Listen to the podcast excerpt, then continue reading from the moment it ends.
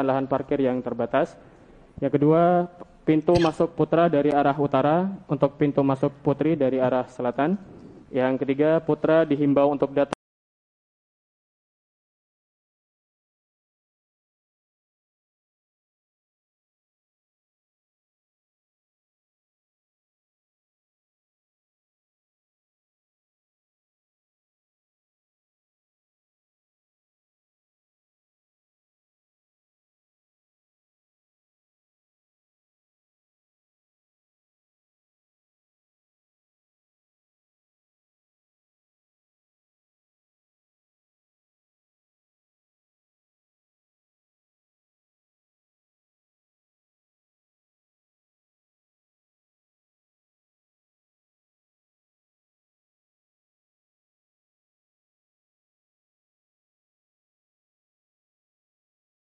memiliki pertanyaan seputar materi dapat disampaikan hanya ketika hari Ahad dan Sabtu saja melalui kertas.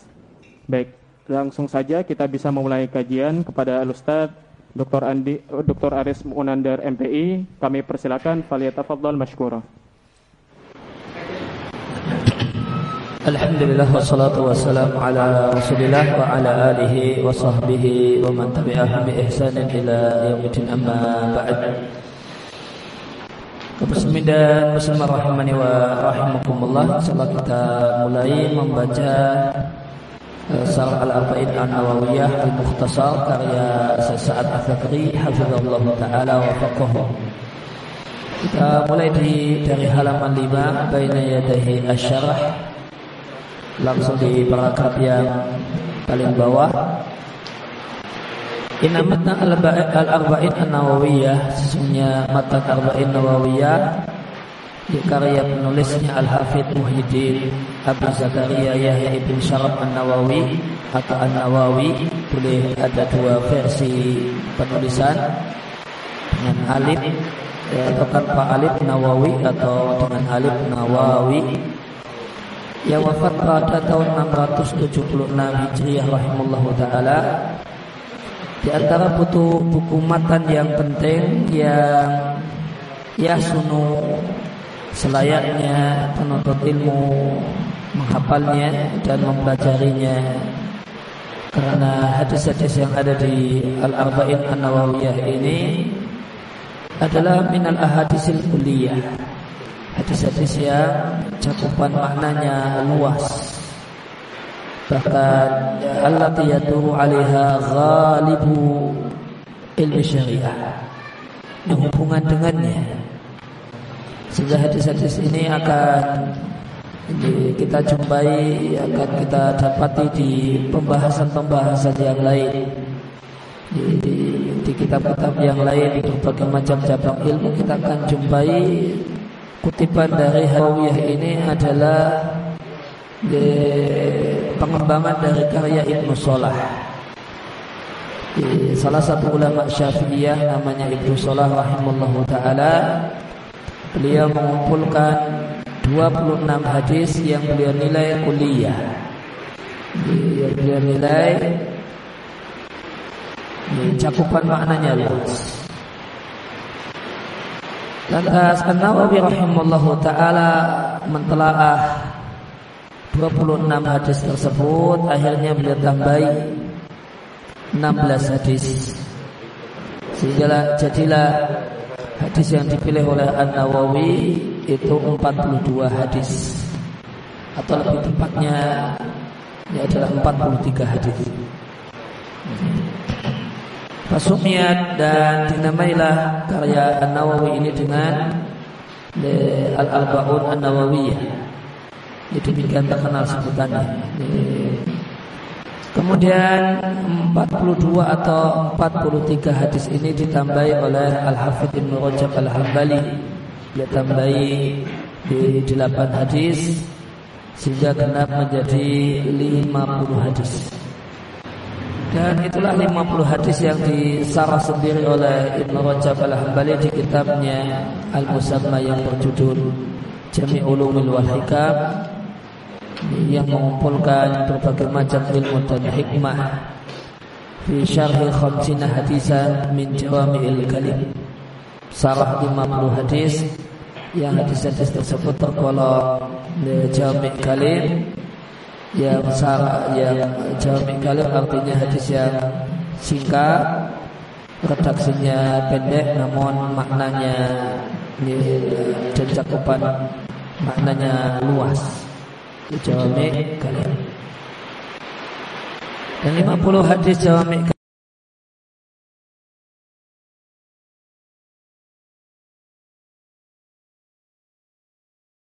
Kalim ini uh, yang itu beliau nilai sebagai hadis-hadis jawami kalim. Yang pendek kalimat-kalimatnya atau redaksinya namun uh, luas cakupan maknanya. Kemudian kita berpindah ke halaman 7 Tarjamatul Alamah Al-Nawawi Biografi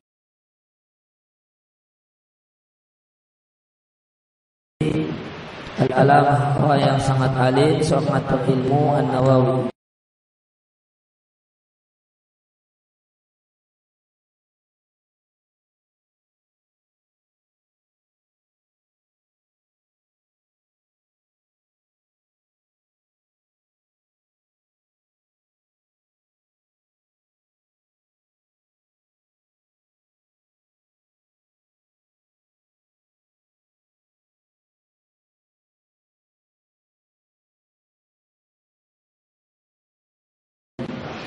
Yang pertama namanya kunyahnya yaitu sebutan Abu Atau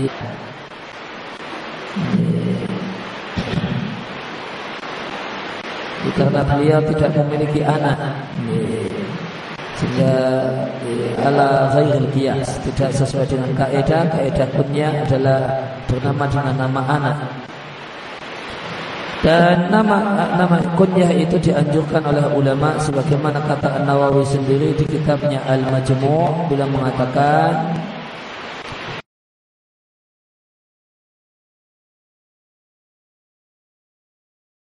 yustahabu takniyatu ahli fadli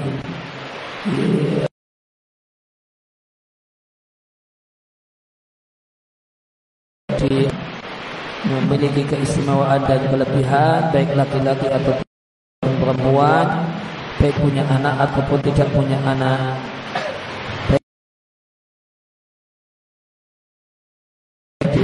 Aisyah radhiallahu anha beliau berkunyah dengan Ummu Abdullah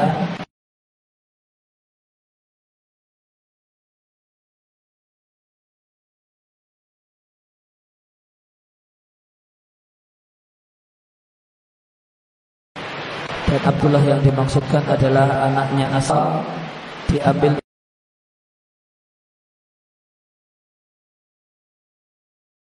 dari anak orang.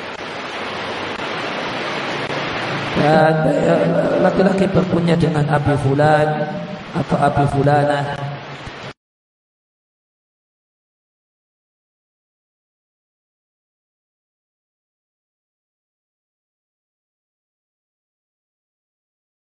dan perempuan.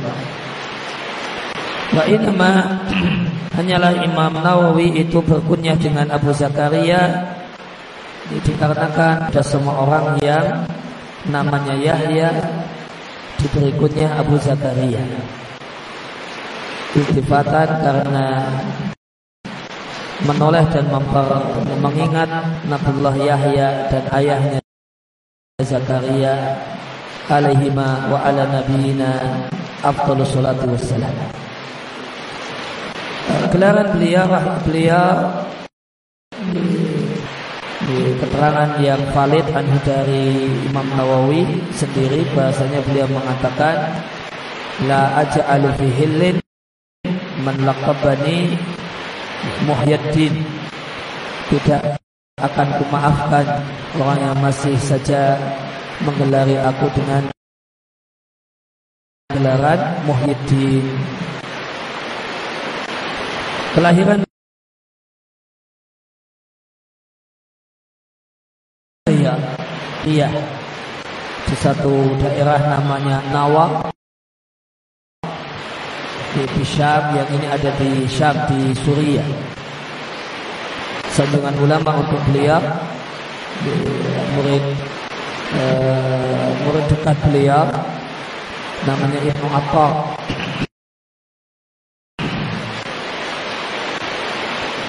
Ibnu Atta mengatakan Syekhi wa ketika menjelaskan atau mengomentari Nawawi beliau mengatakan beliau adalah guruku. Beliau adalah uh, teladanku. Al-Imam Zut Tanasib Al-Mufidah Pemilik karya-karya yang bermanfaat Wal Mu'alafat Al-Hamidah Dan karya-karya yang terpuji. Ibn Attar ini eh, ya, Murid sangat Murid dekatnya An-Nawawi Sampai-sampai diberi gelaran Sebutan eh, Nuskhatun Nawawi. Kopi pastenya Nawawi. Kopi pastenya Nawawi. Nas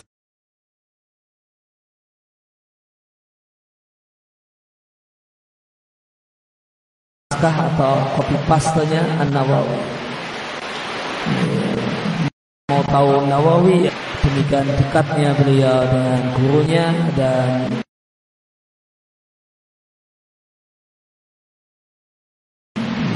meniru gurunya.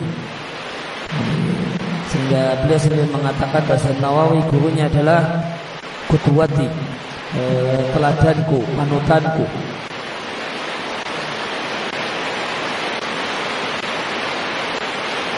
Kemudian ada Syekh eh, Qutbuddin Musa Al-Yunini Al-Hambali mengontari tentang An-Nawawi beliau adalah pakar hadis, seorang yang zuhud, terhadap dunia al-ibadah, seorang yang wara, seorang yang hati-hati. Dalam masalah agama, dia adalah orang satu-satunya di zamannya. Dalam masalah wara, dalam masalah ibadah, dalam masalah mengambil sedikit dari dunia. Wal ikbar, dia adalah orang yang satu-satunya Artinya orang yang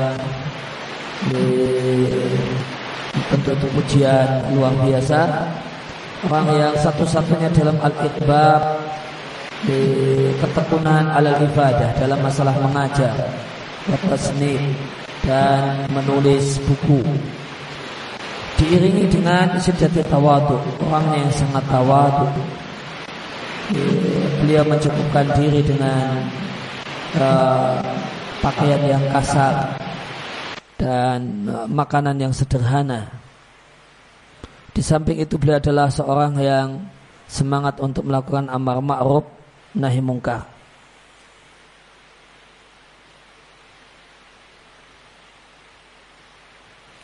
Sedangkan Al-Hafidh Al-Zahabi berkomentar tentang Imam Nawawi, beliau adalah Asyikhul Imam.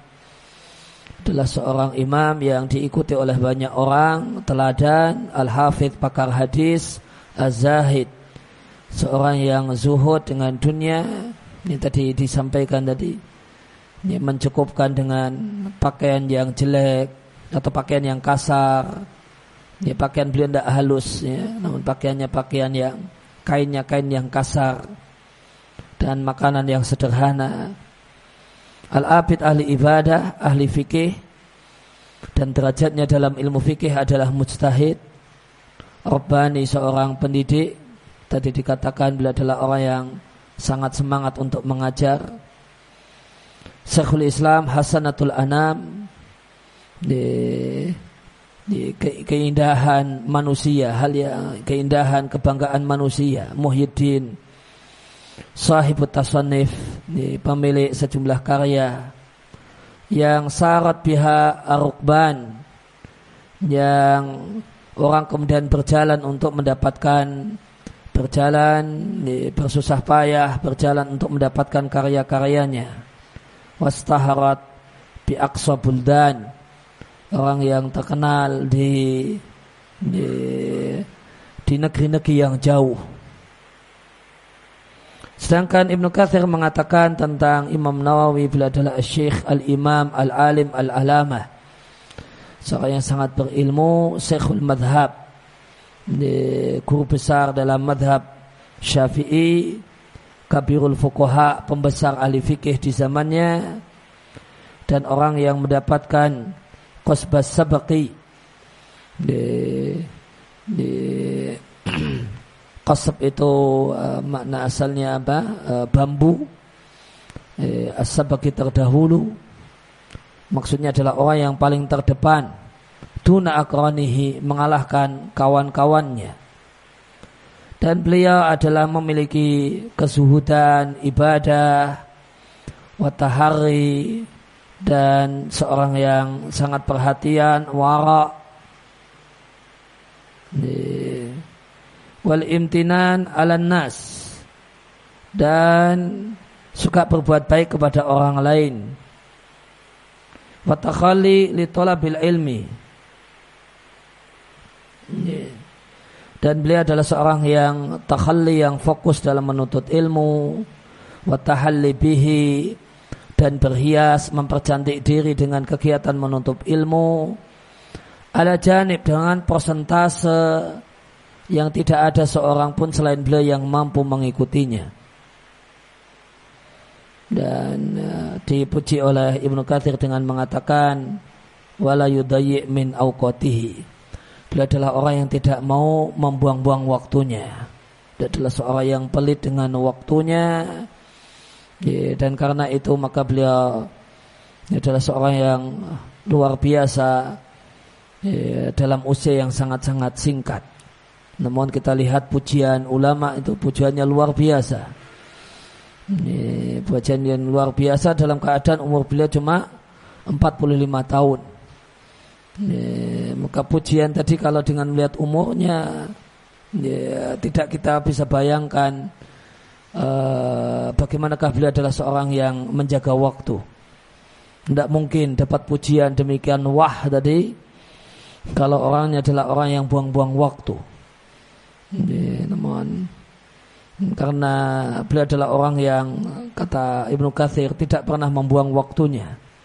Maka wajar, maka tidak aneh dalam umur yang cuma 45 tahun sangat belia itu bisa kemudian me, me, mendapatkan prestasi-prestasi yang luar biasa sehingga eh, sehingga dapat pujian yang demikian mewah dan wah dari para ulama. Tajduddin As-Subaki rahimahullah taala mengatakan ya, adalah Yahya yaitu Imam Nawawi rahimahullah taala sayyidan beliau adalah seorang pemimpin hasuran. Beliau adalah seorang yang tidak menikah wa laithan ala nafsi hasuran ya. dan ini pujian yang luar biasa. Beliau adalah singa terhadap dirinya sendiri. Hasuran juga artinya singa. Beliau adalah singa terhadap dirinya sendiri. Beliau memerangi kemalasannya, memerangi dirinya sendiri. Ya, maka beliau adalah seorang yang demikian.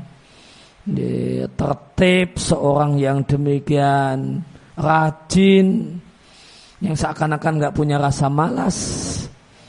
Sudah diungkapkan dengan pujian dengan beliau adalah singa untuk dirinya sendiri. Beliau adalah orang yang tidak membiarkan dirinya mager, punya mager, malas gerak. Enggak. Beliau tidak biarkan dirinya memiliki seperti itu. Beliau bagikan singa untuk dirinya sendiri. Beliau terkam rasa malasnya. Bahkan beliau hasuran, hasuran itu singa yang mematah-matahkan mangsanya. Menerkam mangsanya dan tidak hanya diterkam kemudian dipatah-patahkan maka terhadap jiwanya sendiri, terhadap dirinya sendiri seakan-akan beliau hancurkan segala bentuk rasa malas yang ada pada dirinya. Zahid dan beliau adalah seorang yang zuhud ya, dengan bukti beliau tidak peduli dengan robohnya dunia. Ila id ketika beliau bisa jadikan agamanya adalah bagikan rumah yang makmur yang ramai Beliau memiliki kezuhudan, kan kona'ah yang luar biasa meneladani para pendahulu dari kalangan para ulama ahlu sunnah wal jamaah. Beliau adalah musabar ala anwa'il khair. Beliau adalah seorang yang sangat-sangat bersabar untuk bisa melakukan berbagai macam kebaikan. Ini masalah la yasrifu sa'atan fi ghairi ta'ah. Beliau tidaklah menghabiskan eh, satu saat pun dari waktunya, umurnya untuk selain ketaatan. Ini sama dengan perkataan Ibnu Katsir tadi, la min awqatihi, tidak membuang-buang waktu. Dan kalau di sini dipuji dengan beliau tidak me, memanfaatkan atau kemudian menggunakan sesaat pun dari umurnya dan waktunya selain dalam hal yang positif, dalam hal yang nilainya ketaatan. Hada demikian ma'atafannun Ditambah beliau adalah tafanun. Tafanun itu menguasai banyak ilmu. Beliau bukan hanya sahibul fan. Beliau bukan hanya orang yang menguasai satu jenis ilmu. Misalnya fikih misalnya. Non beliau adalah mutafannin. Orangnya namanya mutafannin. Menguasai banyak ilmu. Beliau pakar di bidang di bidang fikih beliau pakar hadis beliau hafid pakar hadis di, beliau pakar bahasa di, beliau ahlu lughah termasuk ulama bahasa Arab. Dan minimal itu yang termasuk yang menonjol pada beliau. Beliau mutafannin menguasai banyak bahasa fi asnafil ulum di berbagai ilmu menguasai banyak fan cabang ilmu dari berbagai macam ilmu. Kedudukan atau posisi Imam Nawawi menurut para ulama Syafi'iyah. Al-Isnawi di kitabnya Tabaqat mengatakan bahasa beliau An-Nawawi adalah penata madhab Syafi'i, munakih yang menatanya ya, dan mensistematika membuat sistematika dalam madhab syafi'i. Sara fil afaki dhikruhu namanya terkenal di penjuru dunia. Wa'ala dan namanya nama yang tinggi. Ya, wa'ala fil ilmi mahalluhu wa qadruhu. Dan tinggi dalam bidang ilmu tempat atau kedudukan beliau dan martabat beliau. Ibnu Kathir yang bermadhab syafi'i juga mengatakan tentang Nawawi beliau adalah syekhul madhab. Beliau adalah kabirul fukoha pembesar ahli di masanya. Ad-Dahabi mengatakan karena ra'san fi ma'rifatil madhab. Beliau adalah pimpinan untuk mengetahui madhab syafi'i. Qadi Safat Muhammad Ibn Abdurrahman Al-Uthmani fitar jamatihi ketika menyebutkan biografi An Nawawi di kitab di, ketika beliau menjelaskan biografi dari kitab Tabaqatul Kubra lahu karya beliau tentang Nawawi beliau katakan Nawawi adalah syekhul Islam wa barakatu ta'ifah syafi'iyah keberkahan untuk di, syafi'iyah menghidupkan madhab dan yang menata menakih menata madhab dan beliau adalah seorang yang istakor al-amal bainal fukoha ala mayurajihuhu bahasanya istakor stabil al-amal amal di antara para ulama fikih sesuai dengan apa yang beliau rojihkan maka yang menjadi al-amal yang menjadi pendapat yang terpakai di antara para ulama fikih yaitu dalam ulama fikih syafi'iyah adalah apa yang dirojihkan oleh An-Nawawi sebagian guru-guru beliau. Ini. Dalam fikih uh, guru beliau ada Tajuddin Al-Fazari, Abu Ibrahim Ishaq Ibn Ahmad Ibn Usman Al-Maribi, kemudian Al-Maqdisi, kemudian ada Umar Ibn As'ad Ar-Ribai, Abdurrahman Ibn Nuh, Abu Hasan Salal Ibn Hasan Al-Irbili atau Ar-Arbili, kemudian Al-Halabi, kemudian Ad-Dimashqi. Ya, artinya beliau pindah-pindah tempat. Ini, beliau pernah jadi domisili di Irbil, kemudian di Halab, Halab itu Aleppo, ini, kemudian di Damaskus. Di hadis beliau belajar dengan Ibrahim bin Isa al-Muradi, Abu Baqa, Khalid ibn Yusuf ibn Sa'ad, ada Abdul Aziz bin Muhammad bin Abdul Musin al-Ansari, ada Ad-Diya ibn Tamam al-Hanafi.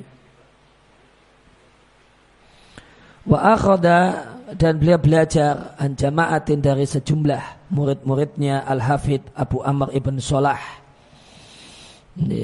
Beliau belajar kitab Ulum al-Hadis lahu karya Ibnu Solah. Di bidang ilmu usul uh, usul fikih beliau belajar pada Qadi Abdul Fatah Umar ibn Bandar ibn Umar ibn Ali ibn Muhammad At-Taghlisi Asy-Syafi'i. Di Nahu dan bahasa Arab beliau belajar pada Ahmad ibn Salim Al-Misri dan Muhammad ibn Abdullah ibn Malik. Talamidatuhu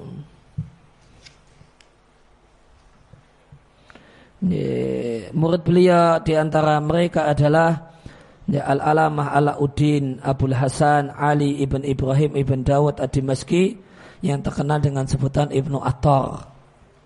Ala dikana li syiddati mulazamatihi. Dan Ibnu Attar ini karena senantiasa membersamai Imam Nawawi uh, mulazamatihi lahu lahunya hunya ke Nawawi beliau senantiasa membersama Imam Nawawi wa tahaqquqihi bihi dan pemastian beliau terhadap Nawawi terhadap pendapat-pendapat Nawawi sampai-sampai beliau digelari dengan Mukhtasar Nawawi. Ini pada murid paling dekat tentang Nawawi ya, ya Ibnu Attar ini. Dan di antara orang yang belajar anhu eh, jadi ralat ya bukan nuskhah Nawawi namun mukhtasar Nawawi.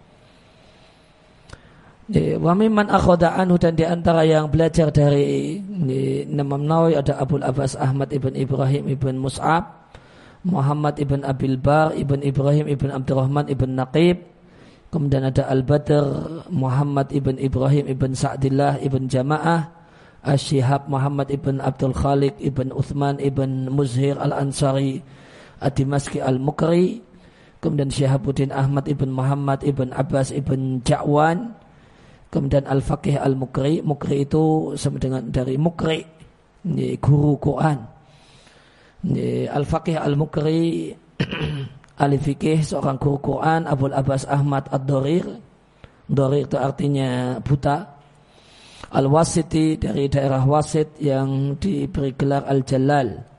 An-Najam Ismail ibn Ibrahim ibn Salim ibn Khubbas. Karya-karya An-Nawawi uh, Sahih Muslim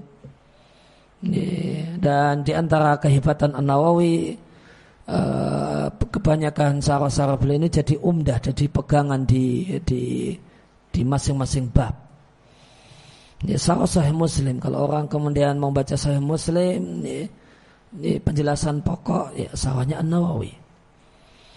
Kemudian Riyadus Salihin satu kitab yang monumental yang hampir-hampir tidak ada rumah seorang muslim yang tidak punya Riyadus Salihin. Demikian hebatnya. tidak, tidak ada hampir-hampir tidak ada rumah seorang muslim yang tidak punya Riyadus Salihin atau terjemah Riyadus Salihin luar biasanya An-Nawawi.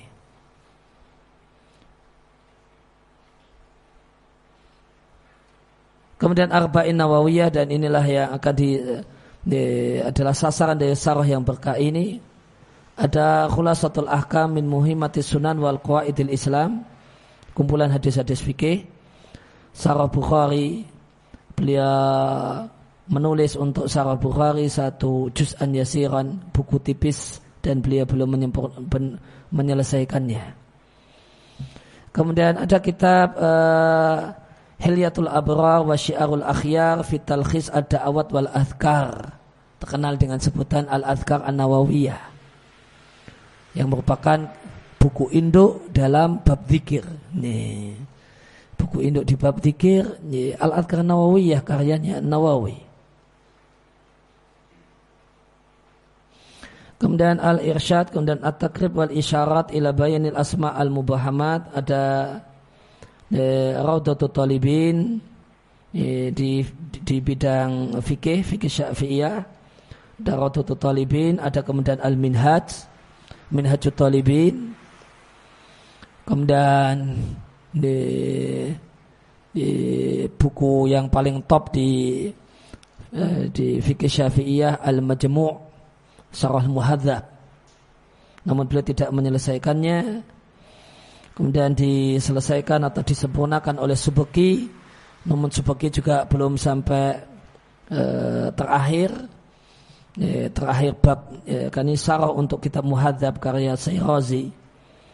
Nah, Nawawi dapat sebagian kemudian digenapkan oleh Subeki. Kemudian dilanjutkan oleh Al-Muti'i. Namun uniknya Al-Muti'i ini Al-Hanafi.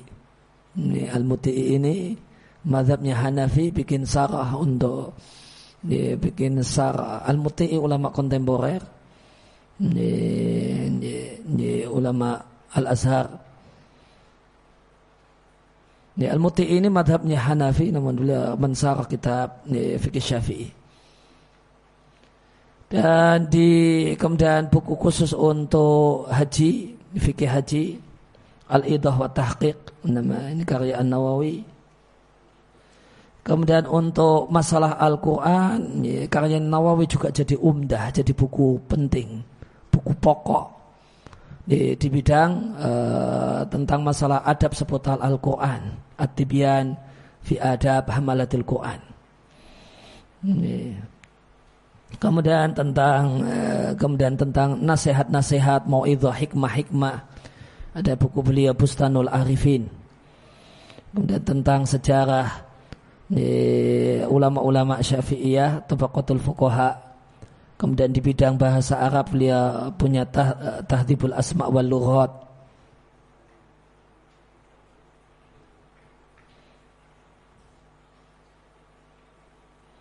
Kemudian apa ini Al-Qismu Tsani min Tahdhibil Asma' wal Lughat wa Tahrir Tanbih.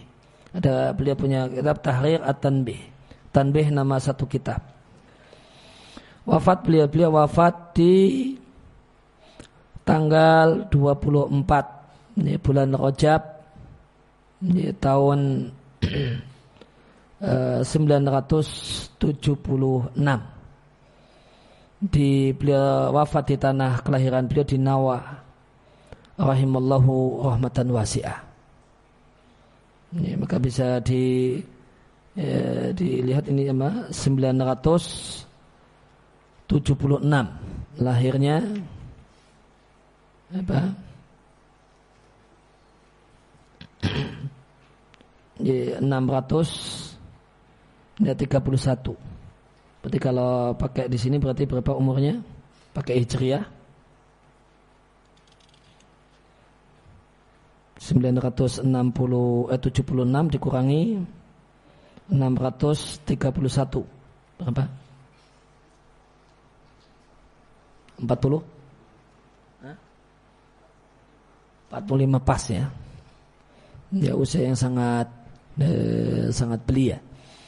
Ya, usia yang sangat belia namun belum sudah sampai kedudukan yang sangat istimewa. Nah, kuncinya tadi kata Subeki, kata Ibnu Kathir. Beliau bukanlah seorang yang membuang-buang waktunya untuk hal yang sia-sia. Dan di antara di antara kunci kemudian kenapa karya-karya beliau adalah top-top nih, nih banyak dalam umur yang pendek. Karyanya banyak dan kalau banyak sih sebenarnya nggak aneh ya, tapi banyak dalam ya, dan keren di babnya masing-masing. Ya, jadi buku pokok di babnya masing-masing. Ya, ya, ya, jadi buku pokok di babnya masing-masing. Mau sarah hadis, mau kemudian baca kutubus sitah, ada Sahih Muslim, ya. nanti ke ke sarahnya Imam Nawawi. Ini mau kemudian hadis, kemudian tentang masalah, uh, kemudian motivasi-motivasi, motivasi untuk beramal eh, beliau punya riyadus salihin rujukan pokok riyadus salihin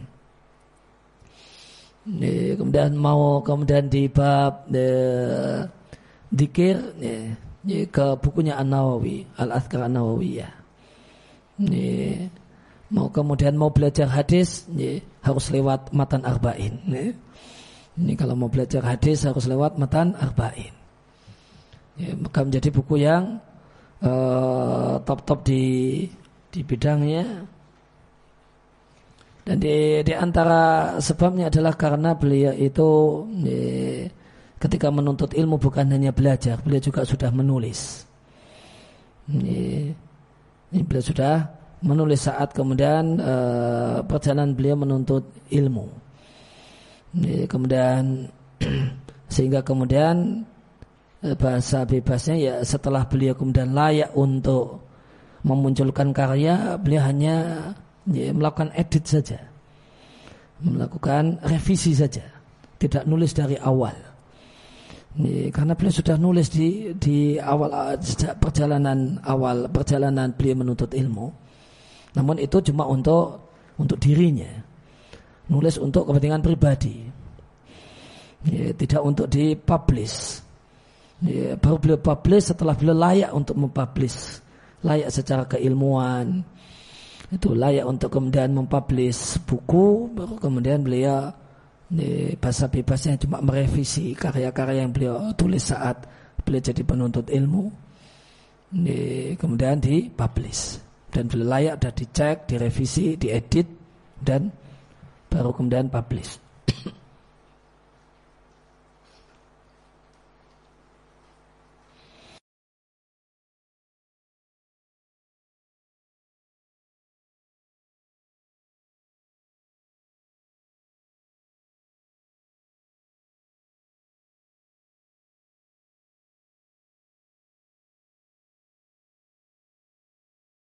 Alhamdulillahi Rabbil Alamin Qayyimus samawati wal ardin Mudabbir khalaiqil ajma'in. Segala puji milik Allah Rabb semesta alam yang mengurus yang utus kepada ilal mukallafin kepada semua mukallaf. Untuk memberikan hidayah kepada mereka semua dan menjelaskan syariat dan dalil-dalil yang qat'i yang pasti dan bukti-bukti yang jelas. Ahmadu ala jami'i ni'amihi wa as'aluhu al-mazida min fadlihi wa karamihi. Aku memuji Allah atas semua nikmat-nikmatnya dan aku meminta kepada Allah tambahan karunia dan kemurahannya. Aku bersaksi bahwa tiada sembah yang berat disembah melainkan Allah. Zat yang Esa Al-Qahar, zat yang Maha Perkasa, Karim, dat yang maha pemurah, Al-Ghafar, maha pengampun. Aku bersaksi bahasanya junjungan kami Muhammad adalah hamba Allah dan utusannya, Habib kekasih dan Khalil kekasihnya adalah sebaik-baik di makhluk. Al-Mukarram yang dimuliakan dengan Al-Quran yang mulia, yang merupakan mukjizat yang terus menerus. Alat aku bisini dengan silih bergantinya tahun dan Allah uh, muliakan dengan asunan al-mustanirah hadis-hadis yang bercahaya yang menjadi cahaya bagi orang-orang yang mencari petunjuk. Al-makhsus bijami'il kalim. Dan sang nabi adalah seorang yang diistimewakan. Bijawami'il kalim diberi jawami' kalim. Jawami' kalim yang diberikan kepada nabi itu mencakup dua macam jawami kalim dari ayat-ayat Al-Quran dan ada jawami kalim dari hadis-hadis Nabi. Di antara jawami kalim di Al-Quran banyak ayat Al-Quran itu jawami kalim. Di antaranya adalah Inna Allah ya'mur bil adl wal ihsan wa ita'idil kurba wa yanha anil fahsyai wal munkal wal bagh. Itu tergolong di antara ayat Al-Quran yang merupakan jawami kalim. Kemudian yang di samping beliau diberi keistimewaan dengan diberi jawami kalim, diberi juga uh, samahatiddin ya, agama yang penuh dengan kemudahan ini agama yang tidak berat agama yang tidak sulit ini. Wassalatullah wassalamu alaihi wa ala sair nabiyyin wal mursalin wa ala alihi wa ali kullin wa sair salihin. Pujian Allah dan keselamatan Allah untuknya dan untuk para nabi dan para rasul yang lain dan keluarga dari masing-masing para nabi dan rasul dan semua orang-orang soleh. Amma ba'du. Fakat urwina kami mendapatkan riwayat dari Ali bin Abi Thalib, Abdullah bin Mas'ud, Mu'ad bin Jabal, Abi Darda, Ibnu Umar, Ibnu Abbas, Anas bin Malik, Abu Hurairah, Abu Sa'id Al-Khudri radhiyallahu anhum. Min turukin kathiratin dari banyak jalur dengan riwayat yang beraneka ragam bahasanya Rasulullah sallallahu alaihi wasallam bersabda, "Man hafidha ala ummati" Siapa yang menghafal untuk umatku 40 hadis min amri diniha berkenaan dengan masalah agama maka Allah akan membangkitkannya pada hari kiamat nanti dalam rombongan para ahli fikih dan para ulama. Ya, diatkan oleh Ibnu Asakir di Al-Arba'in. Dalam riwayat yang lain, Allah akan bangkitkan pada hari kiamat sebagai ahli fikih dan seorang yang berilmu. Dikeluarkan oleh Ibnu Adi di Al-Kamil. Dalam riwayat Abu Darda, wa kuntu lahu yaumal qiyamati syafi'an wa syahida. Aku akan menjadi pemberi syafaat dan saksi untuknya. Dikeluarkan oleh Ibnu Asakir. Dalam riwayat Ibnu Mas'ud yang dilihatkan oleh Abu Nuaim di Hilyah. Kilalahu akan dikatakan kepadanya, masalah engkau melalui pintu surga mana saja yang engkau kehendaki. Dalam riwayat Ibnu Umar Ya, sebagaimana di kitab Al-Ilal karya Ibnu Jauzi, kutiba fi zumratil ulama tercatat di golongan para ulama dan dikumpulkan di rombongan para syuhada. Namun al-hufat semua pakar hadis sepakat kalau itu hadis yang daif. Meskipun kasurat turukuhu demikian banyak jalur-jalurnya.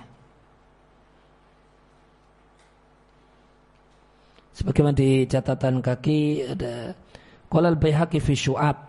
Baihaqi di kitab Su'abul Iman setelah membawakan riwayat Abu Darda mengomentari ini adalah matan yang masyhur di antara manusia namun matan ini tidak punya sanad yang sahih.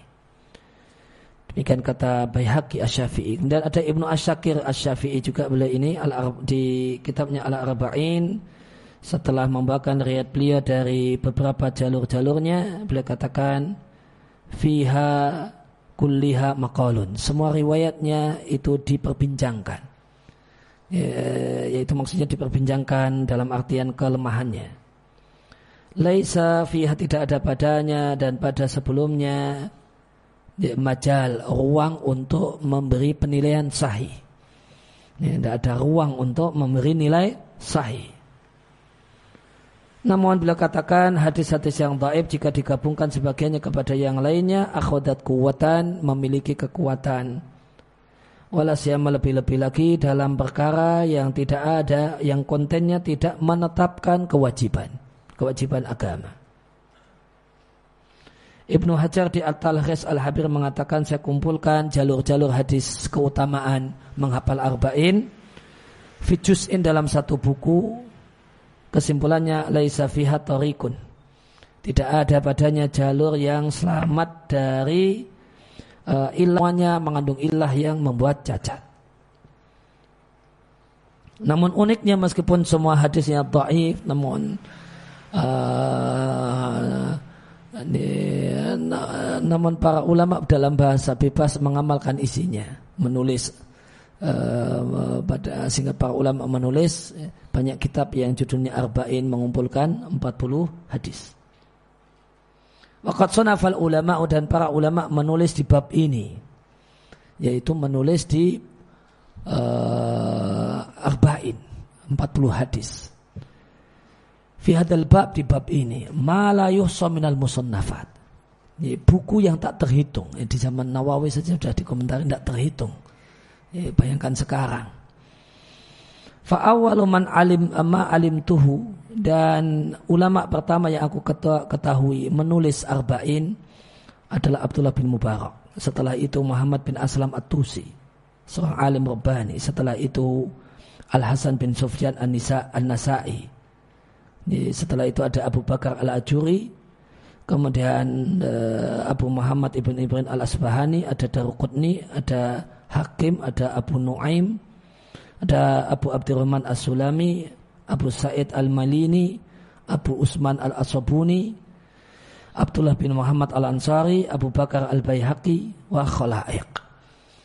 Dan banyak orang lagi yang tidak bisa dihitung. Minal mutaqaddimin wal mutaakhirin dari ulama dahulu dan ulama generasi setelahnya. Uh, Wakat istahartullah ta'ala aku meminta pilihan minta pilihan pada Allah Ta'ala untuk mengumpulkan 40 hadis dalam rangka meneladani mereka para imam al-a'lam yang mereka adalah para tokoh besar para hufadul Islam para pakar hadis penjaga agama Islam dan An-Nawawi di sini di Muqaddimah Al-Arba'in beliau mengatakan para ulama sepakat bolehnya mengamalkan kandungan hadis yang daif di, di fi fadailil amal dalam fadilah amal.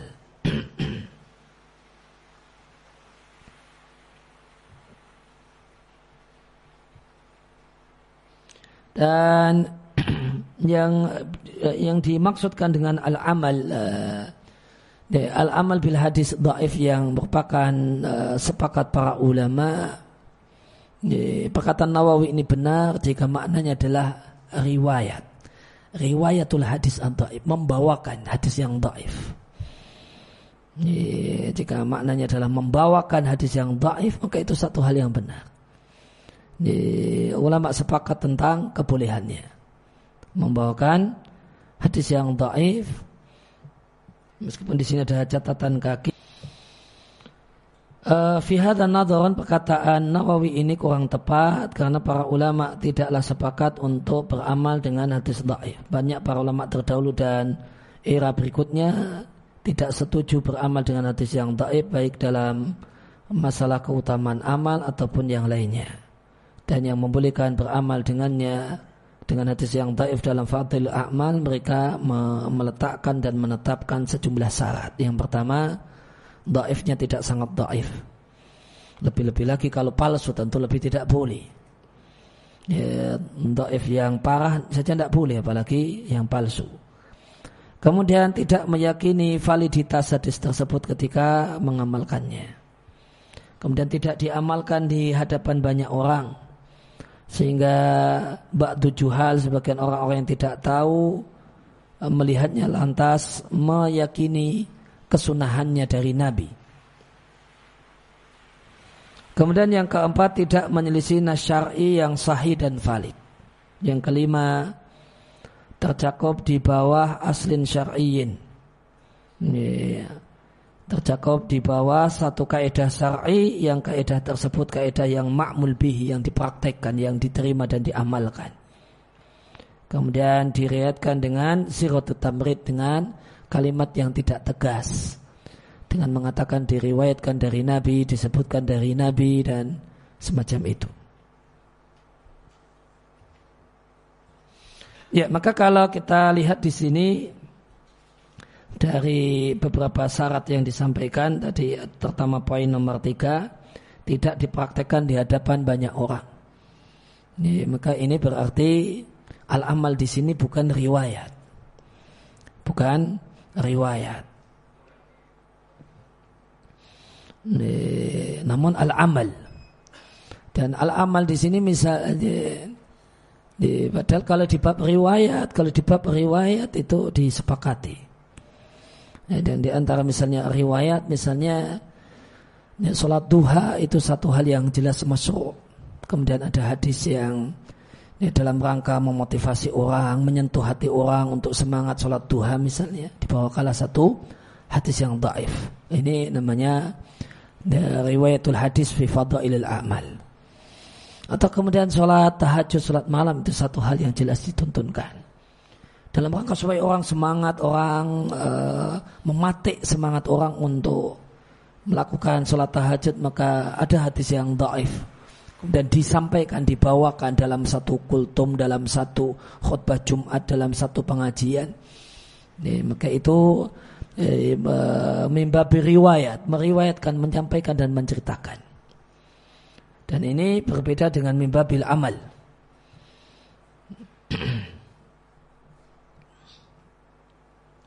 ya, kalau kemudian mimba bil amal maka sehingga tadi ada syarat tidak dipraktekkan di hadapan banyak orang di ruang-ruang publik. Ya, tidak boleh dipraktekkan di hadapan banyak orang artinya tidak dilakukan di ruang-ruang publik namun hanya boleh dilakukan di kamar, di rumah. Karena kalau nanti dilihat oleh orang awam dikira itu satu hal yang dianjurkan. Satu kemudian nanti menjadi jadi sebab mereka meyakini kalau itu satu hal yang uh, sunnah Nabi dianjurkan oleh Nabi Shallallahu Alaihi Wasallam. Maka ini berarti bukan bukan tadi, bukan riwayat, bukan riwayat. Maka kalau kalau ini namanya al-amal bil uh, al-amal uh, al-amal bil hadis dhaif ini al-amal kalau al-amal bila hadis dhaif itu uh, misalnya ya, secara umum dianjurkan untuk berzikir. Secara umum berzikir dianjurkan. Ya, membaca tasbih dianjurkan. Ya, secara umum ya, membaca tasbih itu dianjurkan setiap waktu, setiap saat. Ya, kemudian ada hadis misalnya. Ya, misalnya ada hadis yang menyebutkan kalau membaca tasbih di sebanyak misalnya 66 kali misalnya 66 kali uh, di sore hari maka nanti ada pahalanya begini-begini nah kemudian ada orang yang mempraktekannya ada orang yang kemudian mempraktekannya di sore hari ba'dal asar kemudian dia baca subhanallah subhanallah sebanyak 66 kali. Dan itu hadis yang taif. Nah ini ini namanya al-amal uh, al-amal bil hadis taif fi fadailil a'mal. Yang ini diperselisihkan ulama. Ini, namun yang jelas kalau untuk hadis taif kalau untuk isbat hukum tidak boleh. Meng, uh, untuk menganjurkan demikian tidak boleh. Namun ini ini untuk amal bi fadailil a'mal. Jadi ada orang yang kemudian setelah asar, setelah membaca hadis tadi, kemudian dia membaca subhanallah, misalnya subhanallah bihamdi subhanallah azim 66 kali misalnya, habis sholat asar. Kemudian dia baca hadis tersebut. Dia praktekkan membacanya 66 setelah uh, neba, di, setelah asar dan niat dia karena dia ini orang yang berilmu bukan orang awam niat dia niatnya adalah melaksanakan anjuran untuk membaca subhanallah bihamdi subhanallah azim. Niatnya 66 ini bagian dari anjuran untuk uh, dikir mutlak mengucapkan subhanallah bihamdi subhanallah. Bukan kemudian secara spesifik ada anjuran untuk itu.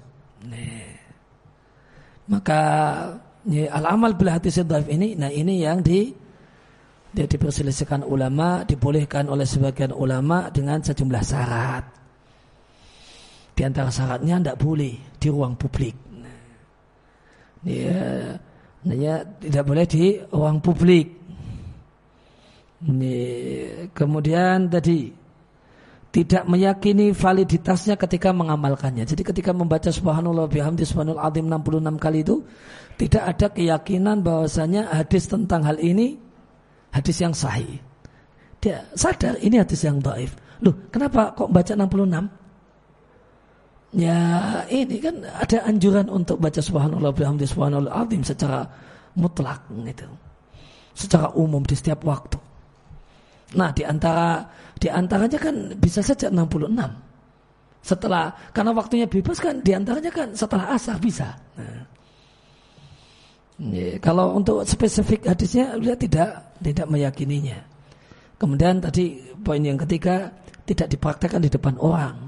Orang awam nanti ketika dia dengar dengan suara yang keras misalnya membaca itu dan orang oh, mengamati kemudian uh, oh ini berarti Nabi menganjurkan. Nah ini anda boleh.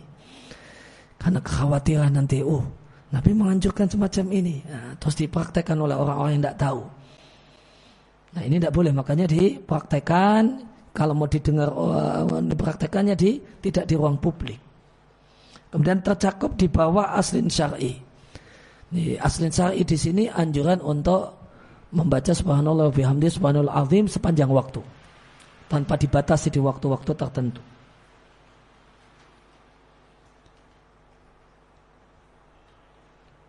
Kemudian syarat yang pertama, daifnya bukan daif yang banget. Ini bukan daif yang banget.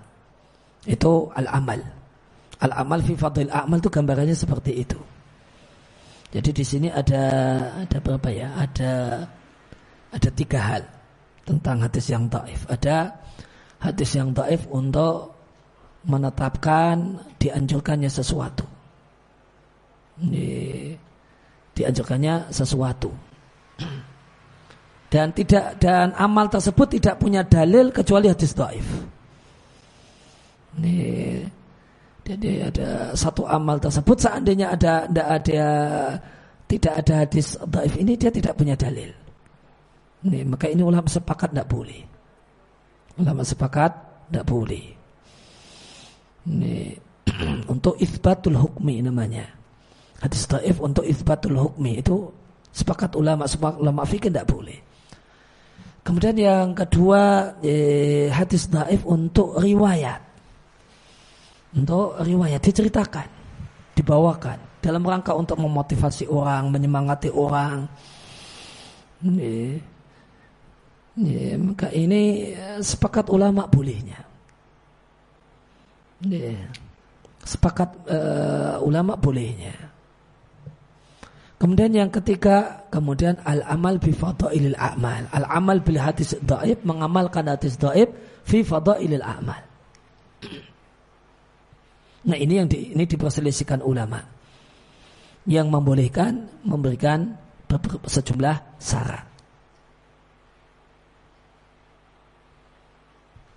Yang syaratnya telah ya, kita baca. Kembali ke atas. Wa ma'hada meskipun demikian, meskipun ini ada itifak, maka yang menjadi patokanku bukanlah hadis yang daif tersebut namun sabda Nabi Shallallahu Alaihi Wasallam dalam hadis-hadis yang sahih. Dalam hadis-hadis yang sahih, libalik asyahid minkum al ghaib. Hendaknya orang yang hadir mendengar hadis Nabi menyampaikan kepada yang tidak hadir. Dan termasuk tidak hadir adalah generasi yang belum lahir. Demikian juga uh, ya, sabda Nabi Shallallahu Alaihi Wasallam nadarallah imra'an semoga Allah memberikan wajah yang bercahaya kepada seorang yang mendengar perkataanku kemudian menghafalkannya kemudian menyampaikannya sebagaimana dia mendengarnya. Nah, ini ini contoh al-amal bi fadailil amal. Ini ada uh, apa 40 hadis.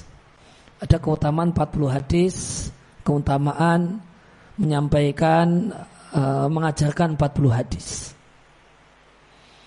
Ini hadisnya dhaif. Dengan sepakat uh, ulama hadis. Namun eh, hadis dhaif ini tercakup dalam aslin sahih. Tadi ada syarat yang kelima tadi tercakup di bawah aslin syar'i. Nah aslin syar'inya mana? libalik asyahid minkumul qaim. Tidaklah orang yang mengetahui hadis yang mendengar hadis menyampaikannya kepada yang tidak mendengar dan belum mengetahui. Nah ini kan menyampaikan hadis ini kan bebas. Bisa sepuluh, bisa satu hadis, bisa sepuluh, bisa dua puluh, bisa tiga puluh, bisa empat puluh, bisa seratus, bisa lima ratus hadis. Semuanya kan termasuk Libalik asyahid minkum al-ghaib. Libalik asyahid minkum al-ghaib. Semuanya kan tercakup dalam uh, nadarallah imro'an. Sami'a maqalati. Eh, fawa'aha fa'adaha kama sami'aha. Dan dia, dia dia sampaikan hadis tersebut sebagaimana dia mendengarnya. nah, sami amakolati mendengar perkataanku, kemudian menghafalnya. menghafal perkataan Nabi ini kan eh, ya menghafal satu hadis, menghafal sepuluh hadis, menghafal 40 hadis, menghafal 100 hadis itu tercakup dalam sami'a maqalati fawa'aha. Ini, ada keutamaan menghafal hadis. Didoakan oleh Nabi agar wajahnya bercahaya. nah ini namanya as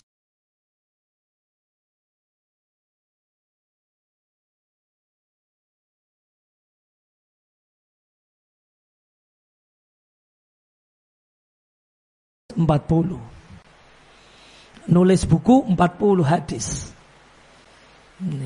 Namun dasar dari menghafal 40, mengajarkan 40, nulis 40 bukan hadis itu.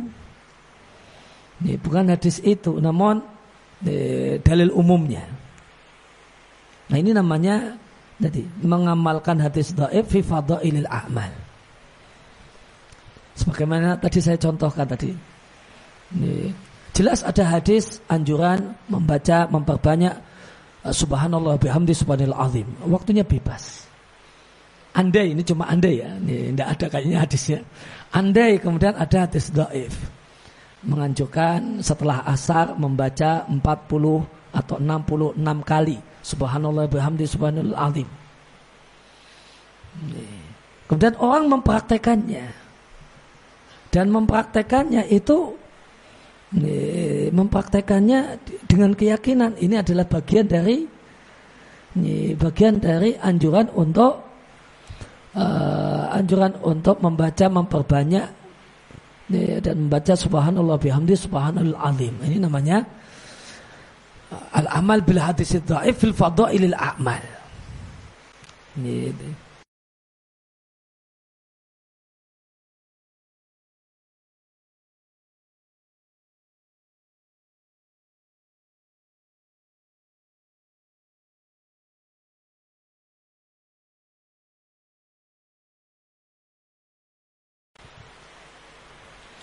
Summa kemudian minal ulama di antara ulama ada yang mengumpulkan 40 hadis fi usuliddin dalam akidah. Ada 40 hadis dalam furu dalam fikih.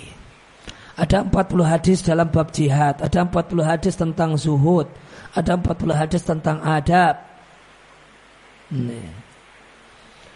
Uh, wa ba'duhum fil khutab ada 40 hadis tentang khutbah.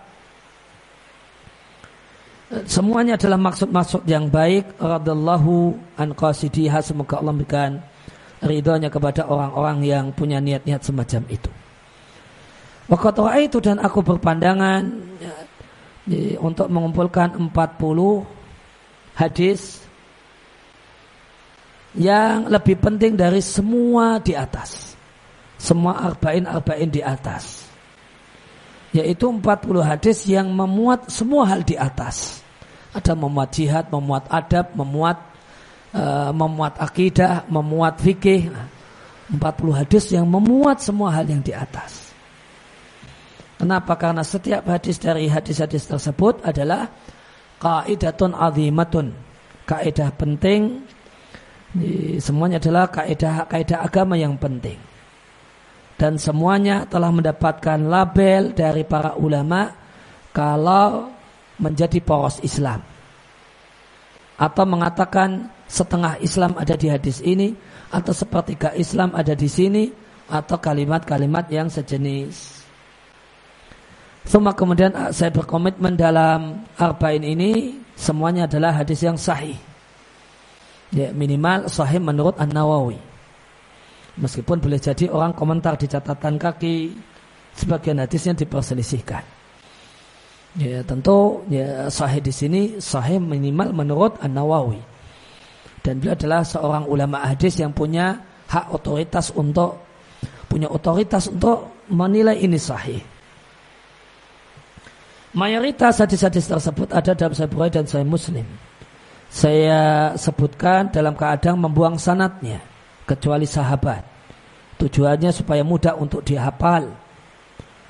Tujuannya supaya ya umul intifa ubiha Luas orang yang mengambil manfaat darinya. Karena kalau jika sanad hadisnya disebutkan, ya, yang mengambil manfaat dari hadis itu tidak banyak, hanya para penuntut ilmu saja. Namun kalau dengan membuang sanad, maka yang mengambil manfaat bisa lebih luas. Thumma adba uh, thumma utbi'uha kemudian aku ikutkan dengan satu bab. Fi dhabti khafiin khafi al-fadhiha. Tentang harokat uh, lafad di hadis yang samar. Jadi matan arba'in yang lengkap matan arba'in yang lengkap itu bab terakhirnya adalah Dobtul as al alfa bukan hanya redaksi hadis sampai 42 hadis, namun nanti ada matan arba'in yang lengkap berdasarkan mukaddimah. Itu nanti ada ya, bab terakhir yang isinya adalah dobtu al alfat penjelasan tentang cara baca ya, penjelasan tentang cara baca untuk sejumlah kosakata yang dinilai oleh beliau samar. Tidak semua orang tahu cara bacanya gimana. Gitu.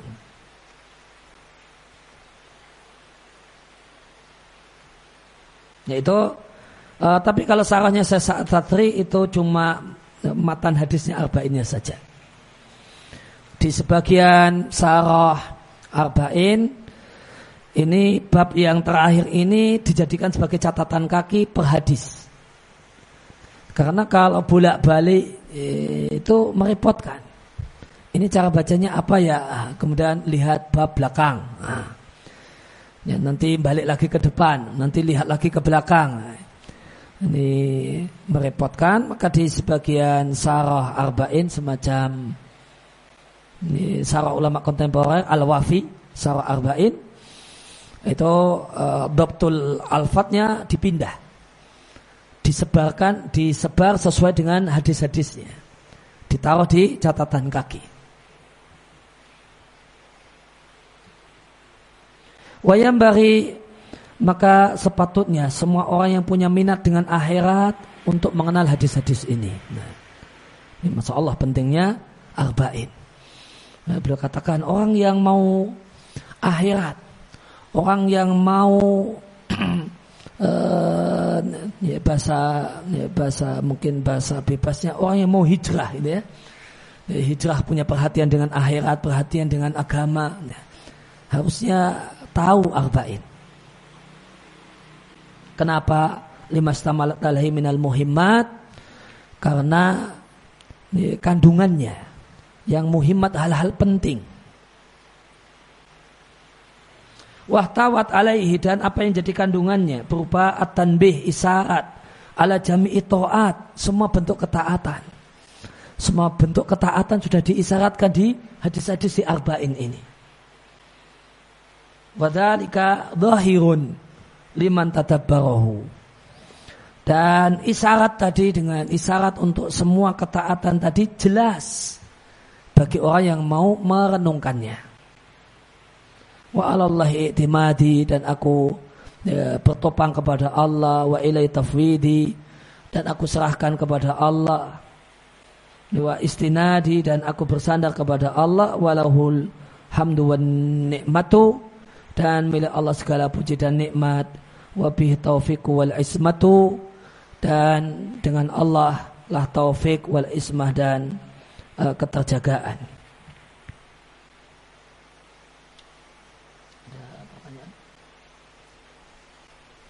pertanyaannya di mana? Ada pertanyaan? Uh, demikian yang kita baca kesempatan kali ini wasallallahu ala nabiyina Muhammadin wa ala alihi wasallam. Baik, dipersilakan untuk bagi uh, para peserta yang ingin mengajukan pertanyaan dapat dituliskan di secara kertas kemudian diserahkan kepada Ustadz.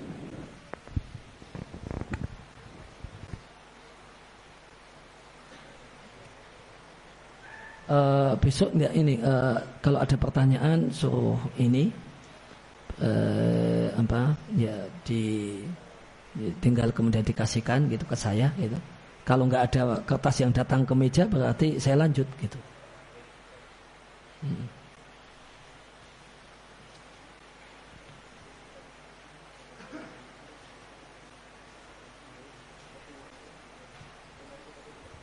Jam berapa? Masih kerja? Hah? 20 menit lagi. Hah? 45. Oh, 15 menit lagi.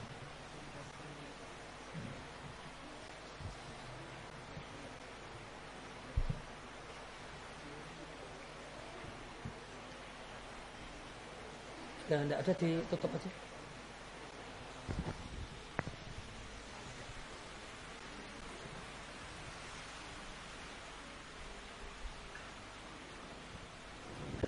Baik, mengingat uh, waktu yang berdekatan dengan uh, waktu buka puasa, maka dari itu kami izin menutup uh, kajian intensif sore pada kali ini. Baik, jazakumullah khairan kami sampaikan kepada Ustadz Aris, semoga ilmu yang beliau sampaikan bermanfaat bagi muslimin.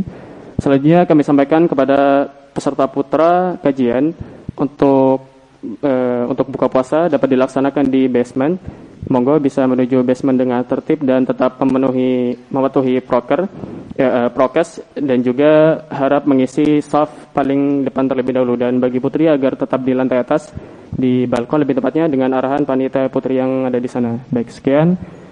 Uh, wassalamualaikum warahmatullahi wabarakatuh.